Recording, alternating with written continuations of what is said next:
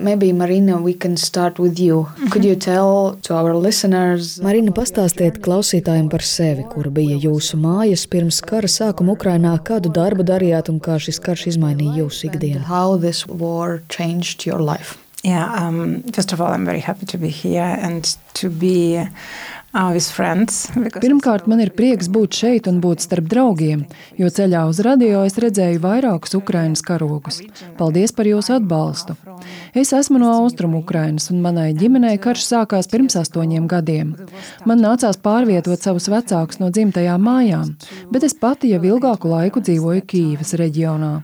Strādāju Ukrainas korporatīvās sociālās atbildības padomē CSR Ukraine, un patiesībā es biju ļoti laimīga darot šo darbu, popularizējot ilgtspēju uzņēmējdarbības līderu vidū. Es atceros, ka pērn tieši 24. februārī mēs plānojām rīkot lielu pasākumu, kurā uzņēmēji parakstītu ilgtspējīgas attīstības mērķu memorandu. Cik ironiski. Bet tātad mani vecāki jau iepriekš bija pārcelti, un es zaudēju savas dzimtās mājas jau sen.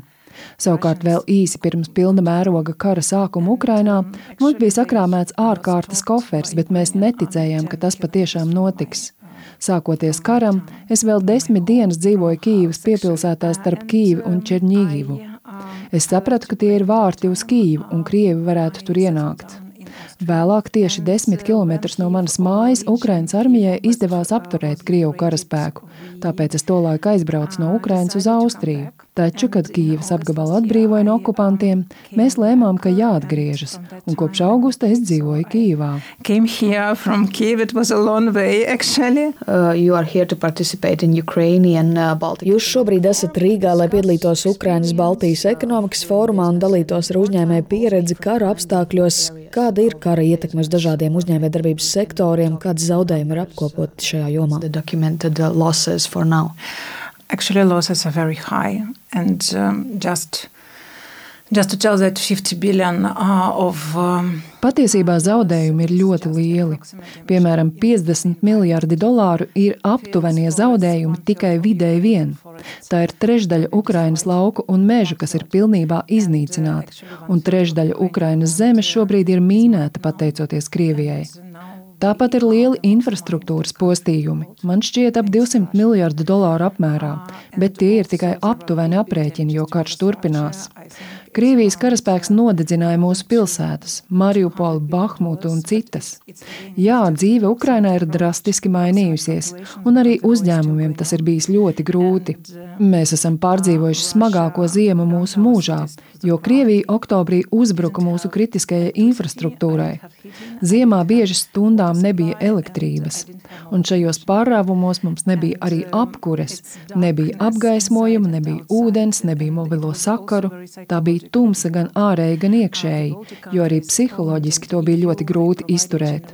Baltijas valstis, Polija un Eiropas Savienība kopumā mums nodrošināja ģenerators, bet tas prasīja laiku. Es teiktu, ka Ukraiņu uzņēmēji, kas turpināja strādāt, ir ļoti drosmīgi, un uzņēmumi, kuriem bija ģeneratori, atvēra savas durvis jebkuram, ja, piemēram, vajadzēja uzlādēt savu mobilo telefonu. and they didn't demand to buy something. If we are speaking about this resilience, Ja runājam par šo uzņēmējdarbības noturību vai elastību Ukrainā, kā jūs vērtējat, kurās jomās uzņēmumi tomēr pārtrauc lielākoties darbību un kādi uzņēmumi saglabājuši stabilu darbību kara laikā? When we are talking about resilience, it's more individual uh, characteristics, and it means that Kad runājam par elastību, tad tā vairāk ir individuāla īpašība. Tas nozīmē, ka ārkārtēji noturīgus uzņēmumus veido ārkārtēji elastīgi cilvēki. Protams, visiem uzņēmumiem karš radīja būtisku negatīvu ietekmi uz cilvēkiem un uz ekonomiku kopumā valstī, jo ekonomiskais kritums bija 30%, bet te atkal jāpiebilst, kā arī tas ir labāk nekā bija prognozēts pateicoties šiem elastīgajiem uzņēmumiem. Protams, visvairāk cieta ražošanas uzņēmumi, jo viņiem bija jāpārtrauc darbs. Tāpat okupētajās teritorijās bija ļoti sarežģīti pārcelt ražošanu uz citiem reģioniem. Turpretī IT uzņēmumiem tas ir bijis vienkāršāk, jo tie var darboties attālināti, un šai nozarei pagājušais gads ir bijis pozitīvs viņu ekonomiskajā izaugsmē. Es domāju, ka ir vairāk iemesli, kāpēc noturīgajiem ukraiņu uzņēmējiem tas ir izdevies. Pirmkārt, tā ir savas darbības dažādošana, proti, uzņēmumi sāk ražot un piedāvāt cita veida produktus un pakalpojumus. Otrakārt, tā ir elastība lēmumu pieņemšanā. Tas nozīmē, ka arī lielu uzņēmumu filiāļu vadītāji paši varēja pieņemt kādus jaunus lēmumus, kas ir svarīgi, jo kara laikā visa ierastā birokrātija nedarbojas, un lēmumi ir jāpieņem šeit un nekavējoties. Tāpat tā ir tāda kā decentralizācija, jo daudzi uzņēmumu dibinātāji devās pie filiāļu vadības, lai palīdzētu vadīt. Tāpat tā joprojām ir startupu domāšana. Lieli uzņēmumi sāk izgudrot jaunas lietas pēc cilvēku pieprasījuma, un ja kaut kas nedarbojās, tad viņi mainīja savus produktus. Piemēram, mums ir liels loģistikas uzņēmums Nova Pošta, un pēc pilna mēroga kara sākuma viņu piegāžu skaits bija tikai aptuveni 2% no pirmskara līmeņa. Taču pēc visa tā viņa gada beigās atvēra 17 jaunas vietas Polijā. Tāpat ir uzņēmums Rozetka, kas ir Ukrāņu Amazon, un pirms kara Forbes lēsa, ka šis uzņēmums ir vienu miljardu vērts, bet pēc kara šī uzņēmuma īpašnieki saņēma piedāvājumu pirkt to jau par diviem miljardiem dolāru. Was the most successful year in the company's history. But are those uh, just examples? Bet vai tie nav tikai atsevišķi piemēri un kopumā uzņēmumiem Ukrainā šobrīd tā ir izdzīvošana vai tomēr arī reāla attīstība? It's about resilience. It's about extreme resilience and it's about. Uh, Jā, kara pirmajos mēnešos tā bija tikai izdzīvošana, bet tagad tas ir par izaugsmi. Un vēl viena no mūsu uzņēmuma ārkārtējas noturības iezīmēm ir tā, ka viņi meklē jaunus tirgus. Piemēram, farmācijas uzņēmumam Farmaka kara sākumā noliktavas tika saspridzinātas, un viņi zaudēja visus saražotos medikamentus viena miljarda grivnu vērtībā un viņi atkopās jau vasarā.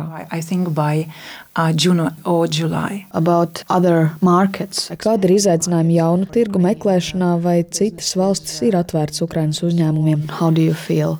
You know that we didn't study this topic quite, quite um, in, in, in detailed way, but I... Mēs to neesam pētījuši detalizēti, bet es domāju, ka šobrīd citi tirgi ir ļoti atvērti mūsu uzņēmumiem. Piemēram, IT kompānijas ir atvērušas daudzus birojus ārvalstīs, lai ar darbu palīdzētu tur saviem cilvēkiem, kuri pārcēlās. Tāpat Nova Pošta piemērs parāda, ka tas ir iespējams. Protams, es negribu teikt, ka viss ir tikai ļoti veiksmīgi, jo sākums tāds nebija, un īpaši sarežģīti ir turpināt uzņēmējdarbību tuvāk Krievijas robežai vai vietās, kur turpinās apšaudes. Taču cilvēki tāpat turpina darboties, jo tās ir viņu mājas, un viņi grib palīdzēt Ukrainai. Tieši pirms es atbraucu uz Rīgu, lasīju jaunu aptauju, kurā 63% jaunu cilvēku Ukrainā norādījuši, ka vēlas sākt savu biznesu, lai palīdzētu valstī atkopties. Pērn mēs arī sākām jaunu programmu Ukrainas sieviešu uzņēmēju palīdzībai. Tā bija atbilde karam. Es sapratu, ka vēlos palīdzēt Ukraiņu sievietēm ārvalstīs. Es nevaru viņām piedāvāt darbu tur, jo tam nepieciešamas valodu zināšanas, kas prasa kādu laiku. Tāpēc mēs izlēmām, ka sāksim uzņēmējdarbības programmu. Un šajos astoņos mēnešos pat labāk ap 900 sieviešu pieteicās mūsu kursiem, un ap 200 tos jau ir pabeigušas. Es domāju, ka tas ir ļoti būtiski šobrīd, jo tas ir par iekļaujošu valsts attīstību un par jaunu uzņēmumu radīšanu. Tas, ko mēs jau esam secinājuši, ka 30% no sievietēm, kuras pabeidza mūsu kursu, sāk savu biznesu. Mums ir jādomā par sieviešu iespējām uzņēmējdarbībā, jo tā ir mūsu realitāte. Armijā ir arī 15% sieviešu, bet lielākoties tie ir vīrieši. Un tāpēc sievietēm tagad ir jauna loma, tostarp galvenā maizes pelnītāja loma ģimenē. Vienlaikus mēs saprotam, ka pēc Ukrainas uzvaras būs ļoti sarežģīti karavīrus reintegrēt viņu ierastajā dzīvē. Un tāpēc šis ir laiks, kad veicināt sieviešu iespējas ekonomikā, Tas mums ir ilgtermiņa mērķis. Just short term goal, it's a long term goal. Mm. Also about the help from outside. Kas savukārt ir būtiskākā nepieciešamā palīdzība no ārpuses tieši lai atjaunotu Ukrainas ekonomiku. In Ukraine. Yes, uh, the war is still going on, but uh, the economy should be developed. And... Jā, karš turpinās, bet ekonomika ir jāattīsta. Mēs novērojam, ka ziedojumu apjoms samazinās.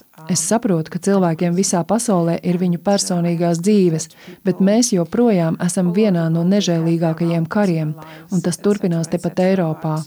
Un tas nav tikai fizisku kauju karš, bet arī informatīvais karš, kiberdrošības karš un, manuprāt, arī karš par demokrātiskām vērtībām valstī, kura izvēlas brīvību. Tāpēc es gribētu, lai cilvēki neaizmirst par to. Jā, mums ir vajadzīgs atbalsts humanitārajām organizācijām, infrastruktūrai, videi, militārajam aprīkojumam, taču vienlaikus mums ir vajadzīgs arī atbalsts uzņēmēju darbības partnerattiecību veidā, jo es domāju, ka Ukraiņu uzņēmumi ir parādījuši šo ekstrēmo noturību un pierādījuši uzticamību kā biznesa partneri. Mēs esam šobrīd ļoti atvērti, un, manuprāt, tieši no Latvijas mēs visvairāk varam smelties pieredzi eiro integrācijā.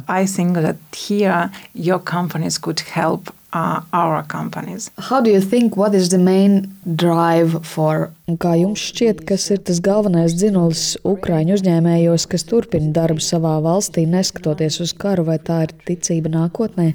In, in future? I think that it's Es domāju, ka tā ir ticība valstī un tas ir patriotisms.